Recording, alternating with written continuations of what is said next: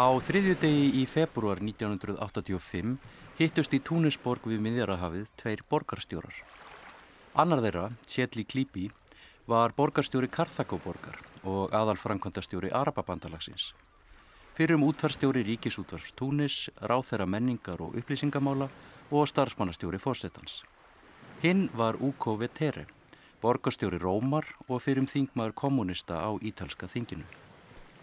Fórseti Túnis, Habib Bourguiba, sem setið hafði á fórsetastóli landsins síðan 1957, tók að móti borgarstjórunum í aðsetri fórsetans Líðveldishöllinni. Tilkomu mikill í byggingu sem hann hafði látið byggja við sjávarsíðuna. Byggingin hefur einni verið köllu Karþagóhöllin, enda steinsnar frá leifum hinnar öldnu borgar Karþagó sem hefur verið á heimsminaskrá UNESCO, menningamálastofnunar saminuð þjóðana síðan 1979. Précédé par la grande nouvelle, Habib Bourguiba a reçu à sa descente d'avion à l'aéroport de Tunis un accueil empreint d'un enthousiasme extraordinaire. Einvaldurinn Bourguiba hafði á sínum tíma barist fyrir sjálfstæð frá frökkum og risið til valda. En við heyrðum hér brotúr gamalli frétt sem segir frá endurkomu hans til Túnis eftir að hafa innsiklað sjálfstæði landsins í París þann 20. mars 1956. Fundur borgarstjórana með fórsetanum var engin tilviljun og það var heldur ekki dagsetningin eða staðsetning kallarinnar. Búrgýpa var upptekinn af sögunni og vildi nýta fönískan, rómveskan og íslamskan menningararf til að undistrykka þjóðverðni og sjálfstæði og marka túnis ákveðin sess í samfélagi þjóðana.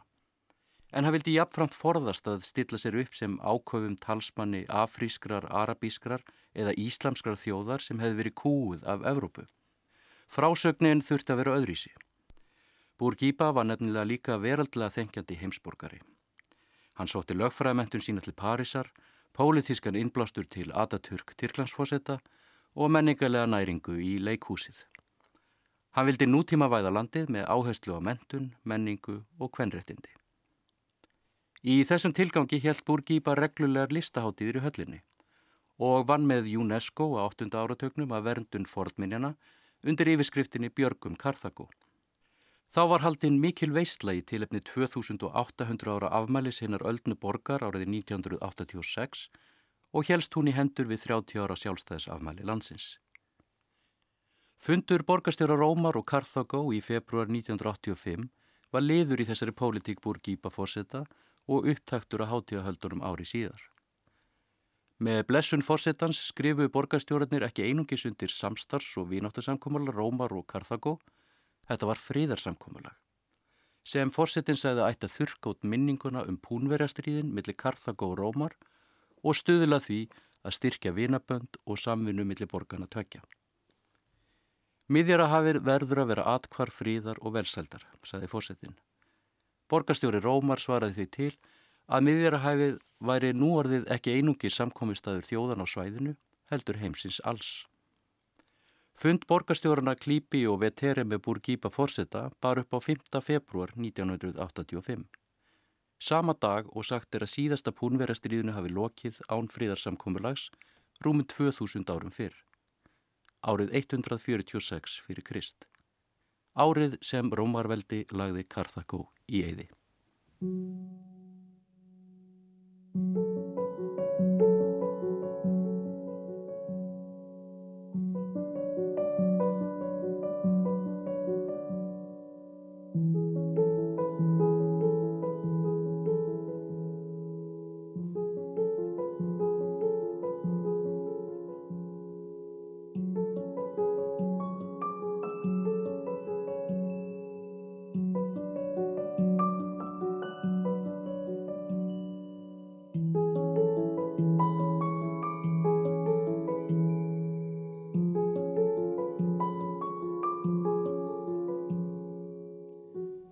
Kæri hlustandi, í síðasta þætti blóðidrifinar byggingarlistar fórum við til eins svo kalla nýja heims, Ameríku.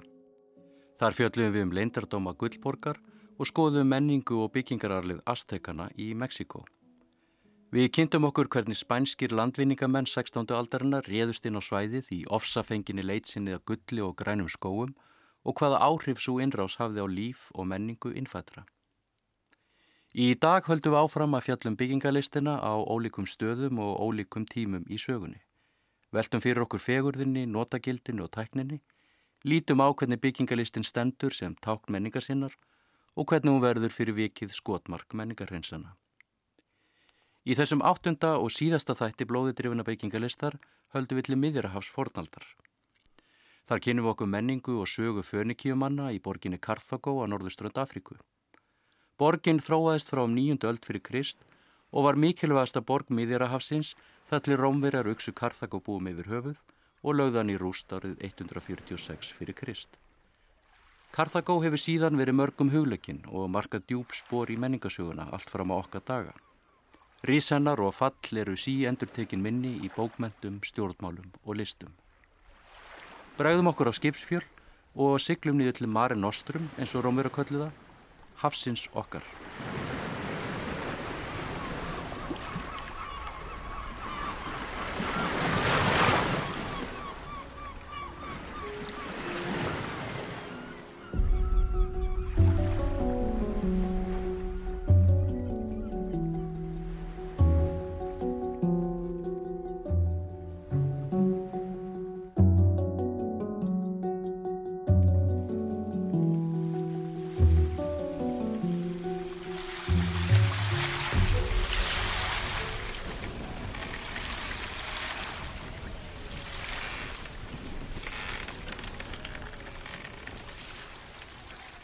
Talið er að fönikíumenn hafi komið frá Persaflóa og fyrst mynda nýlendur fyrir botni miðjararhafs um 3000 fyrir Krist. Og á öðru árþúsundi fyrir Krist voru þeir þegar þekktir sem áhrifamiklir sæfarendur og verslunarfólk. Fljótlega höfðu þeir einni tekið sér bólfestu í Anatólíu, á Kýpur og í Norður Afríku. Megin borgir fönika voru Síton, Týros, Bíblos og Balbek þar sem ríkið Líbanon er í dag. Það verðist óljóst hvað þeir kölluðu sig en mögulega var það Kenani eða Kananítar. Þetta orð er til á hebresku og þýðir meðal annars verslunarmadur en Kanan er þekkt úr hebreskum handritum og biblíunni sem landið þanga sem Móses leitti Ísraela. En þótt íbúar landsins hafi haft sameinlegt tungumál trúar og menningararf er ekki tali að þeir hafi myndað sameinlega pólitíska heild eða sambandsríki. Framanaf áttu fönikar í öflugu sambandi við Egipta sem réðu fljótlega mestu um ytri málefni þeirra en mistu á þeim tökinn á 14. öld fyrir Krist. Í upphafi nýjöndu aldar kröfðust assýringar skattfjess og yfiráða og árið 538 fyrir Krist lendu fönikar undir stjórn persa. Ríki fönika voru setna sigruð af Aleksandri Mikla og loksa rómverska heimsveldinu árið 64 fyrir Krist. Nokkur borgríkin, Aratus, Síton og Týros heldu þó sjálfstjórn sinni. Fönísku borgríkjónum var stýrt af konungum og takmarkaðist vald þeirra af voldugum fjölskyldum verslunarfólks.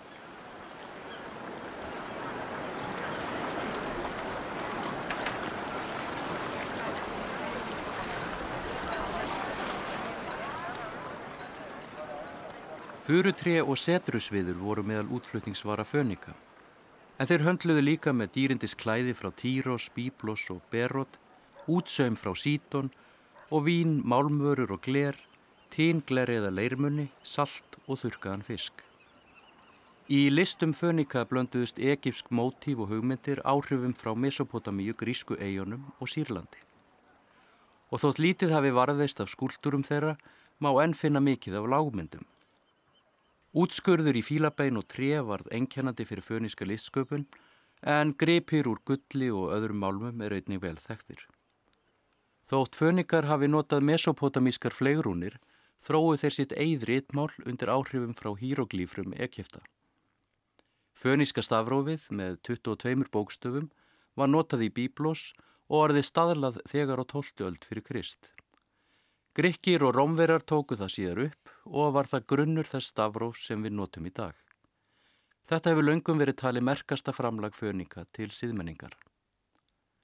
Fönísk trúabröð sóttu í ringar ás náttúrunar og áttu sér hliðstæðu hjá Egiptum, Babilónum og Assýringum. Margir guðana voru hins vegar staðbundnir. Í Bíblós voru guðnir El og Adonis og Gíðjan Balat sett efst á stall. Í Sítón voru það Gíðjan Astarte og guðnir Bal og Esmun. Astarte var líka tilbyðin í Týros en þar var aðstur guðin Melkarð, tákmynd konungstóms, sjávar og veiða. Honu var einni þakkaður árangur í viðskiptum en það talin hafa uppgöta litarefni sem föningar dróðu úr múrekskvöðungnum sem einnig kallaður purpurasnýl eða purpuraskél.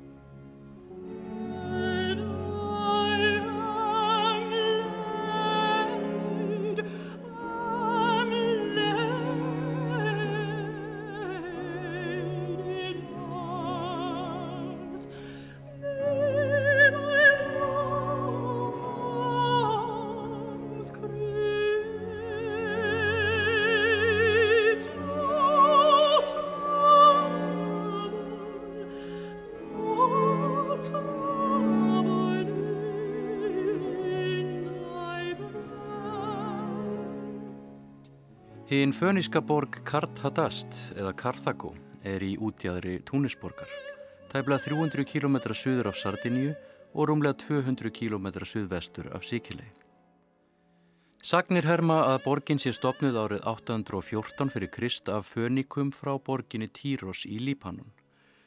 Karthago var ekki fyrsta föniska byggðin á norðustrund Afriku og talið er að borgin Útíka hafi byggst um hálfri öld fyrir dálitlu norðar. Nafn borgarinnar, Karthago, þýtti enda Nýjaborg, líklega til aðgreiningar frá útíka. Karthago var getið í grískum heimildum en það var höfuðskáld Rómverja, Virgil, sem gerði hana ódöðlega í stórvirkinu Eneasarkviðu sem hann samti fyrir Ágústurs keisara á fyrstu öld fyrir Krist. Kviða Virgils er svar Rómverja við hetju kviðum Hómer sinns gríska. Hún er í senn óður til keisarans og áróðusritt ætlaði að treysta grundvöld Rómaveldis og samrama góðsagnir um stopnun þess. Í verkinu tekur Virgil góðsögnina Eneas trójukappa og gerir hann að forfuður Rómar. Sankat Virgli kemst Eneas undan þegar Gríkir leggja trójuborg í rúst og heldur til Ítalju þar sem að örlögin hafa ætlað honum að stopna borg. Á ferðalagi sínu rekst Eneas til Karthago og hittir þar fyrir stopnandaborgarinnar, drottninguna Dító eða Elissu. Grípum örlítið niður í Eneasarkviðu í þýðingu Haugs Hannessonar frá árinu 1999. Það er Gíðjan Venus sem segir hér Eneasi sögu Dítóar og Karþagóborgar. Þú sérð hér ríki Púnverja, Týrverja og borg Agenors. Hér sérðu land Líbíu, harðskeita striðstjóð. Dító ræður hér ríkjum og kom hún frá Týrosborg, landflóta fyrir bróður sínum. Bróðir Dító, Pygmalion, var konungur týrverja og mikið ílmenni. Hann hafði ágýrnst auða við bónda hennar, Sikkejösar, drepið hann og leint verknaðunum. En svipur Sikkejösar byrtist Dító í draumi, afhjúpar glæpamannin, vísar henni á falda fjársjóði og segir henni að flýja föðurland sitt. Af þessu var Dító mjög hrætt, bjóðsendur flókta og leitaði sér förunauta og þeir koma saman sem hötuðu grimmt harstjórans og óttuðust hann. Þeir grýpa skip sem af hendingu voru sjóbúinn og ferma þau gulli og flytja svo auðæfi hins ágjarna Pygmalíons yfir hafið. Kona stýrði þessu öllu. Þau komu á þær slóðir þar sem þú sérð nú hérna háu múra og rýsandi borgvíi nýrar Karthagó. Þau keiftu sér land og kölluðu það Birsa því að landið var jafn stjórnt og undvara afmarka með nautshúð. Átökin í Enesarkviðu sprett af illdeilum giðjunar Júnóar, eiginkonu Guðsins Júpiters og Venusar, móður Eneasar. Júnó vill koma í veg fyrir að örlaun fái ráðið og Eneas stopni sína borg en móður hans stiður hann diggilega. Með vélabröðum kveikja Guðinir ástareld í hjörtum Dítoar og Eneasar og valda því einnig að Eneas verður að halda för sinni áfram. Dító brennur af ást til Eneasar en allt kemur fyrir ekki. Hann siglir á braud. Yfirkomin af harmi ákallar Dító sól, guði og hendarnornir og býðu þess að þau og karþagómenn ofsæki Eneas og alla hans þjóð og fái þannig hent sín. Því næst stýgur hún upp að bálkvöst og lætur fallast á sverðsott. Harma kvein fyrir um Karþagó. Anna, sýstir Dítoa, riður sér leið að kestinum og vil bjarga sýstu sinni en átta sér fljótt á því að það er um seinan. Hún rópar á degjandi sýstu sína og hveður hann að hafa drepið þær báðar, þjóð sína og borg. Um leið og hún talaði þetta hafði hún stíið upp á köstin og tók nú í fang sér sýstur sína sem var í andarslitrunum. Faðmaði hanna, andvarpaði og fór að þerra dökka blóðdrópa með skikki sinni. En Dító, sem reyndi að beina máttvana augum upp til hennar, fjall aftur í dá. Það kvein í opnu sárunni og brjósti hennar. Þrísvar hóf hún sig uppi olboga, þrísvar nýja hún niður aftur og reyndi að eiga heiminn ljós og stundi er hún sáða.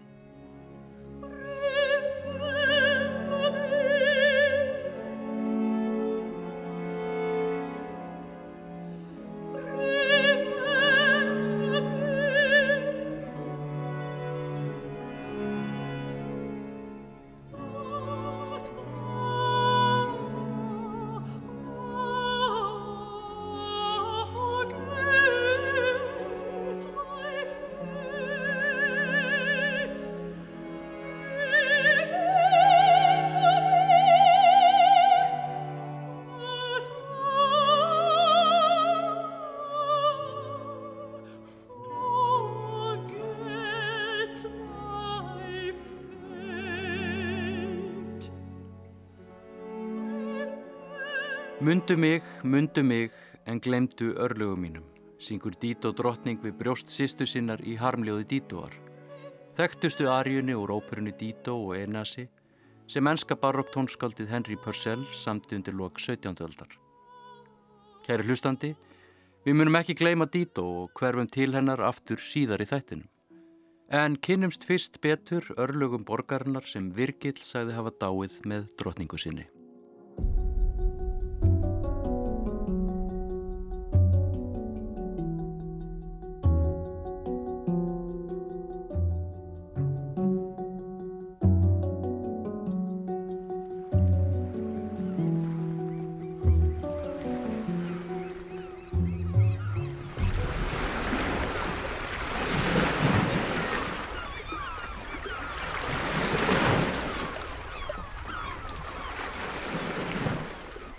Elstu fordleifar í Karþagó benda til að borgina megi rekja aftur til ásins 760 fyrir Krist. Karþagó var að mestu byggður kalksteini úr nærleikjandi námum og var staðsett austast á dálitlu nesi við túnisflóa. Á nesinu norðanverðu og sunnanverðu voru stór sjávarlón. Byggðin ógs fljótt og innan aldar höfðu íbúarnir reist voldu á borgarmúra, hafnarmannverki og svo kallat tófett sem gemdi líkamsleifar barna sem þeir fórnuðu guðurnum. Þar eða öll skip sem fóru á milli austur og vesturluta miðjarahafsins þurftu að fara um sundið milli norðurstrandar Afríku og Sikilegar, treyði staðsetning borgarinnar henni stöðu sem meginborg siglinga og verslunar.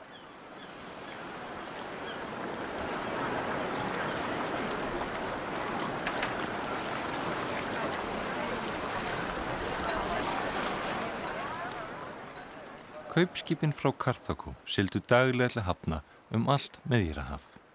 Þeirra var gætt af heimsins upplugasta herskipaflota sem opnaði nýjar verslunarleiðir og aðgang að auðlindum.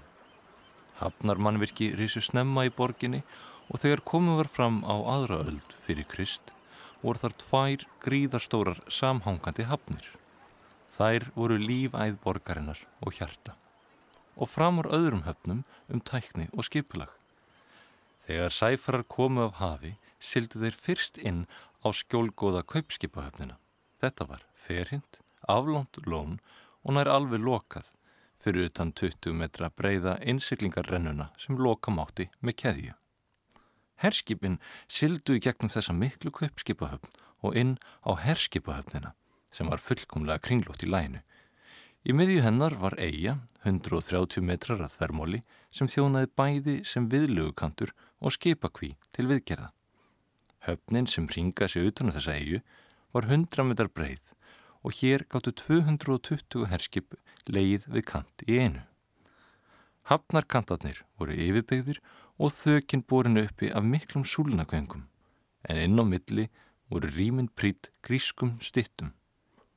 Upp úr miðeini reys mikill turn þar sem yfirvöld heldu vökulu auga með þeim sem áttu leiðum höfnina.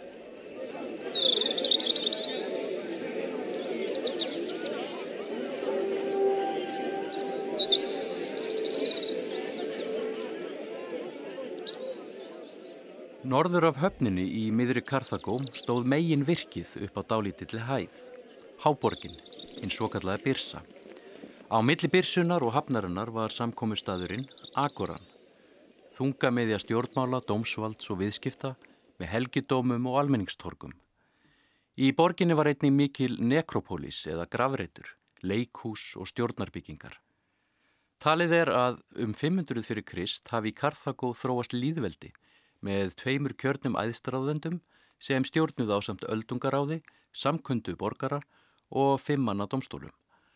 Þá starfaði 104 manna nefnd öldungaráðsins og leiðtóaríkisins sem hlutaðist til um hermál.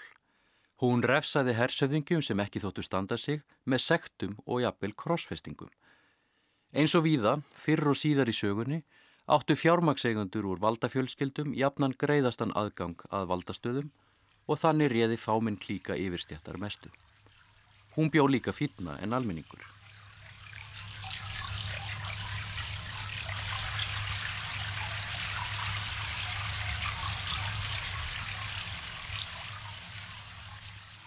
Karthagó var skipt í fjögur jafn stór íbúðakverfi með rétt heyrndu neti gatna. Fyrstu íbúðakverfin risu í kringum byrsuna frá söðri til norð-austurs. Húsin voru kalk eða kvít skúruð með látlösum framhliðum að götu. Inni í húsunum voru ingarðar undir beru lofti. Með tímanum þjættist byggðin og byggingarnar hækkuðu en talið er að sum húsin hafi orðið alltaf sex hæðir. Fordleifagröftur hefur afhjúpað grunnmynd og skipulag margra húsaraða og hafa meðal annars komið í ljó stegatröppur og frárenslisrennur. Þá voru vass þrær í húsunum og vatni nýtt til neyslu og baða.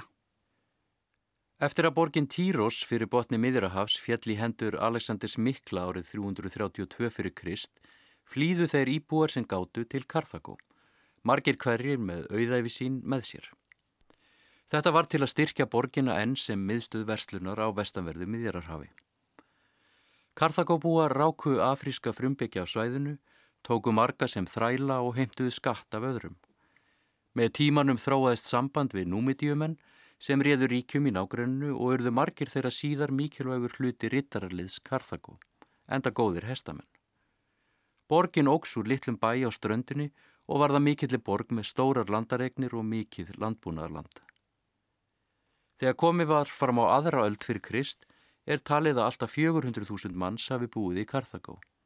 Áhrif borgarinnar höfðu aukist með vaksandi velsælt og fólksfjölda og tegðu svo orði víða, til dæmis til Sigilegar, Sardiníu og Spánar. En vöxtur og viðgangu borgarinnar þýtti einnig áreikstra við aðra. Og þótt borgin hafi oft átt í erfiðum stríðum við önnu ríki, urðu engin eins afdrifarík og deilutnar við Róm. Hins svo kölluðu Púnverastríð.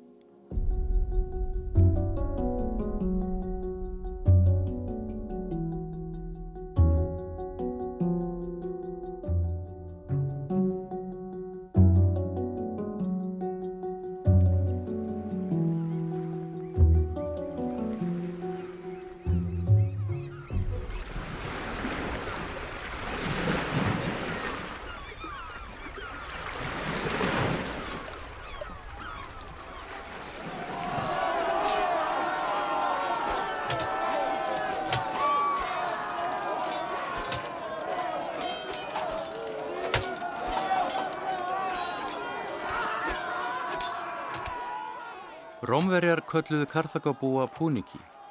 Þessi afbökun á heiti fönukíumanna varð á íslensku að Púnverjum og því eru stríðin millir Rómar og Karþagó gerðnan nefnd Púnverjastríðin.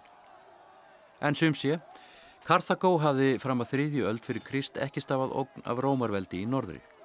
Karþagobúar höfðu yfirbyrð á sjó og gátti haldi öðrum í skefjum á vestur hluta miðjurahás.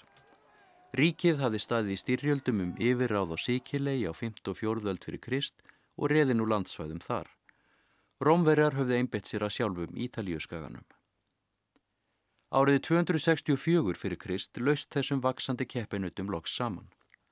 Landheri Rómverja báru höfuð og herðar yfir aðra heri og Karþagómenn byðu mikinn ósugur við borgina Agrigentum á suðvestur hluta síkilegar.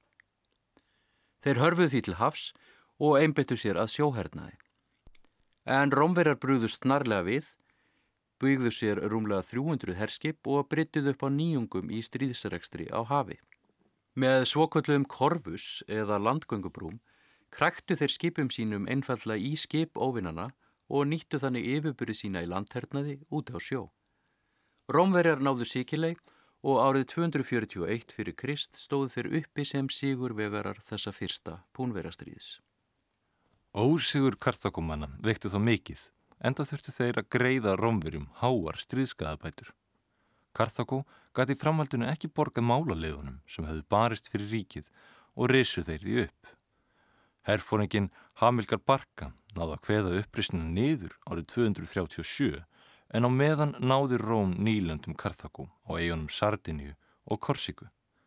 Karþagómenn leituð nú vestur á bógin og endur fórustu Hamilgar og tengdasónar hans Hastrúbalsins fagra stopnaði þeir nýlundina Karthadast á Íberíuskaganum. Rómverjar kalluði borgina Nýju Karthagó en þar stendur í dag borgin Kartagena. Hamilgar og Hastrúbal fjallu báðir á spáni en við stjórn herveldis Karthagómanna tók sónur þess fyrrnemda, Hannibal. Annað púnverjastriðið stóð frá 218 til 202 fyrir Krist og var að mestu háð á norður Ítalíu. Það er engum frækt fyrir þá þrekraun Hannibals að leiða her Karþakomanna og sína afrísku stríðsfíla í gegnum Spán og Alpanna til að ráðast á Róm úr norðri. Hann var sigursæll á Ítalju og árið 216 fyrir Krist vann hann sinn helsta sigur, orustanu um kanni. Skortur á mannskap og vistum leiti til að Hannibal eh, þraut úthaldið og árið 202 fyrir Krist lautan í lægra haldi fyrir rómverska hersöðingjanum Scipio Africanus í orustunni um Sama í Norður Afriku. Karthagó mátti aftur semja um frið við rómverja og stríðskaðabæturnar urðu sem fyrr íþykjandi. Karthagó reyndi samhlega greiðslu þeirra að verjast árásum númidjumanna á árunum 202 til 148 fyrir Krist. Massinissa, konungur númidju, hafði áður stutt Karthagó en skiptum lið og verið bandamaður Rómverja í öðru púnverjastríðinu. Nú kvöttu Rómverjar að herja á Karþagabúa sem auðvitað greipið til varna. Rómverjar sögðu það brot á fríðarsamkommulaginu við sig og þvinguðu nú Karþagabúa til að greiða númitjumönnum stríðskaðabætur. Markmið Rómverja var auðvitað veikja keppinutin, ná yfiráðum og komast yfir landbúnaðalönd Karþagó til að brauðfæða hinn að vaksandi Rómaborg. Karþagóbúar höfðu nýlokið við að greiða rómverum stríðskaðabætur og máttu ekki við frekar í búsifjum.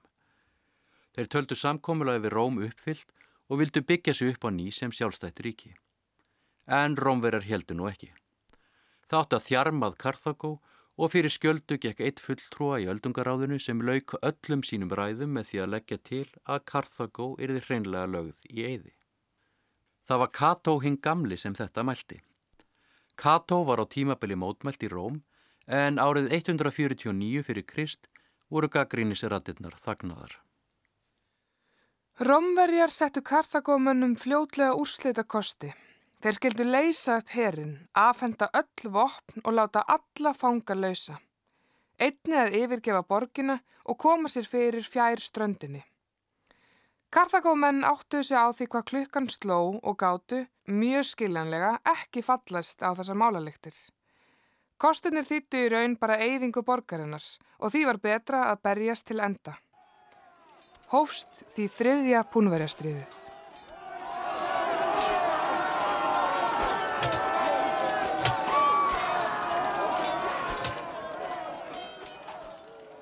Rómverjar sátu um Karthagó í þrjú ár en árið 147 fyrir Krist tók hersöfðingin Scipio Amelianus yfir stjórn innrásaliðsins og ger sigraði borgarbúa árið eftir.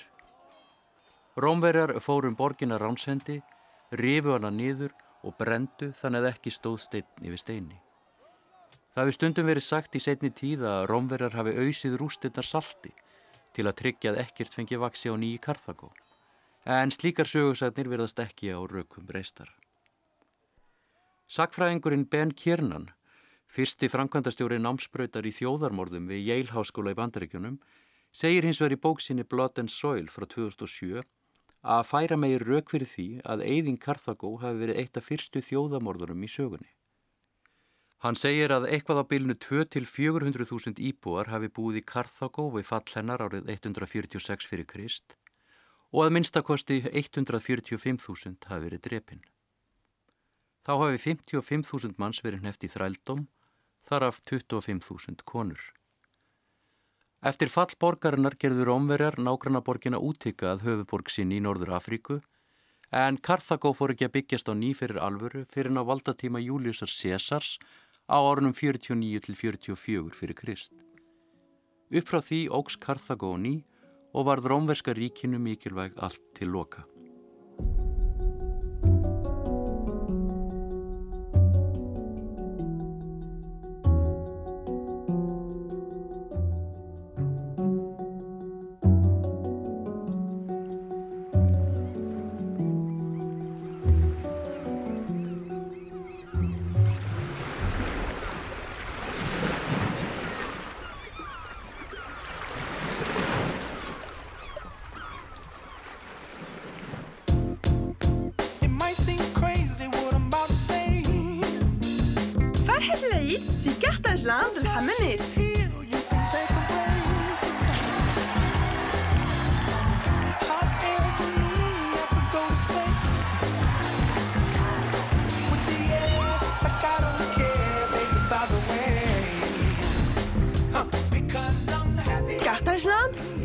Kína, Jasmín Hamamit.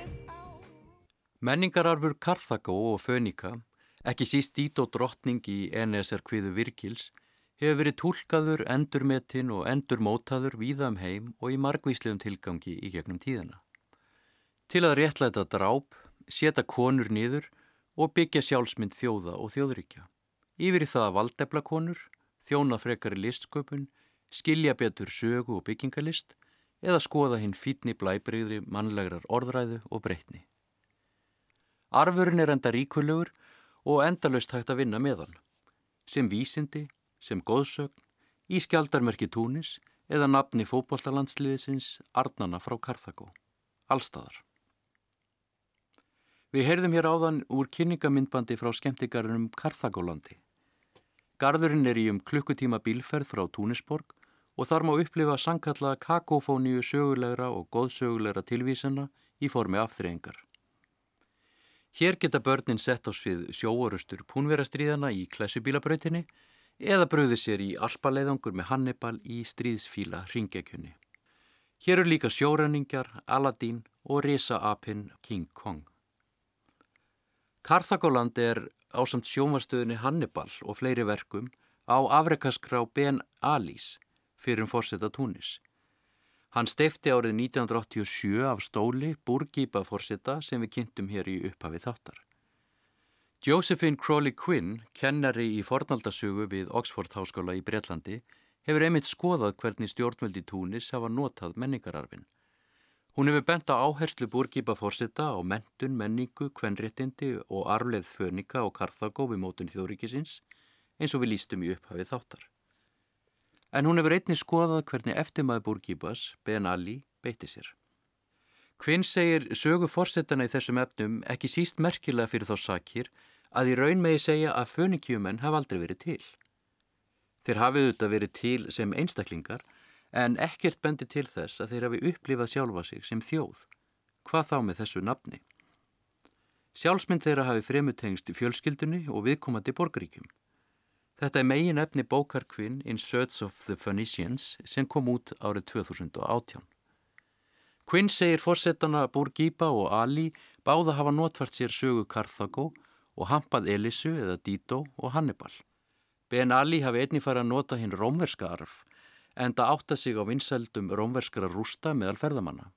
Áhersla á rómverska arfin á samt þeim föniska hafi einni verið liður í stefnu hans að koma landinu á framfæri sem krosskötum á milli austurs og vesturs og takmarka Íslamsvæðingu ríkisins. Forsetarnir hömpuðu báði trúni að vissu marki og voru því alls ekki að afnita henni. Aðeins að tryggja að frásögnunum túnis væri á veraldlegri og fjölmenningalegri fórsendum. A stunning view of the Mediterranean. You need money or power to afford to live here. President Ben Ali of Tunisia had both. We're going to show you at least one of the floors in one of the grand palaces which will go on sale. Ben Ali fórseti hefði varðla setið í 24 ára valdastóli án þess að kunna ímislegt fyrir sér í list hins mögulega, pólitík. Eitthvað virðast hann þó hafa skort fáun og stíl fyrirrennara síns. Við heyrðum hér Lise Doucette, bladakonu hjá BBC, Lísa Höll Ben Alis ári eftir að fórsetin flúði land í jasminubildingunni árið 2011. Fórsetin hafði á spiltri valdatíðsinni sankaða sér auðafum og kendi margara grasa í höllinni. Rándýrar glæsikerur, listmunir, skartgripir, uppstoppaður hleparði í gerfifrumskói og innramaðar gerfiprófgráður á vekkjum. Óhóf, öfgafullur munaður og slæmur smekkur, sagði túniski bladamæðurinn Júsef Gæki við innlitt í höllina. En Ben Ali flúði og Túnis virðist í dag á hægfara brauti í átt til aukina mannréttinda, ekki síst hvennfrelsis. Konur hafi verið ábyrjandi í stjórnmálabaratu og fjöldamótmælum og komi réttar um bótum á dasgrá. En það eru mörg ljón í vegi frelsis og líðræðis og landinu í raun stjórnað með neyðarlögum síðustu ár, sem gefur yfirvöldum viðtækari valdheimildir en ella. Þá hefur orðið vart aukinar spennu millir samfélagshópa ekki síst þeirra sem aðhyllast aukið kvennfrelsi og mannréttindi og þeirra sem vilja halda í anda íslamskra sjarjalaga með áframhaldandi grófri mismunum gegn konum og öðrum hópum samfélagsins. Þing og fórsettakostningar eiga að fara fram síður á árinu en mikil óvisa ríkir um hvað teku við að þeim loknum.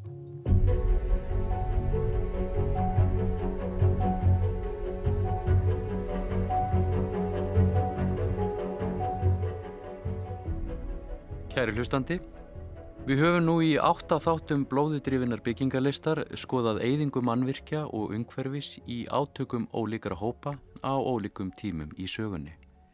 Við höfum ferðast frá Indlandi til Bosníu og Hersegóvinu, Þískalands, Palestínu og Ísraels, Tíbet, Íraks og Sýrlands, Mexiko og miðjararhafsins. Við höfum skoðað arkitekturinn sem tákmynd menningar og kannar hlutverk hans í hriðjuverkum, byltingum, landvinningastríðum og við aðskilnað samfélaga. En við höfum vondi líka snert á kjarnanum, fegurðinni, tækninni, notakildinu. Þessum þremur meginstóðum arkitektursins sem rómverski arkitektin og fræðimadurinn Vitruvius skrifaði um endur fyrir löngu. Það er enn af nógu efni að taka og við höfum einugis gert örlittlum hlutaskil í þessari þáttaröð. Ég hveti þið til, kæri hlustandi, að halda ferðalæginu áfram á eigin spýtur, gefa umhverjunu ávalt gaum og aðtöga hvort að ekki leynist eitthvað meira á bakvið það sem mætir þér við fyrstu sín. Takk fyrir að hlusta.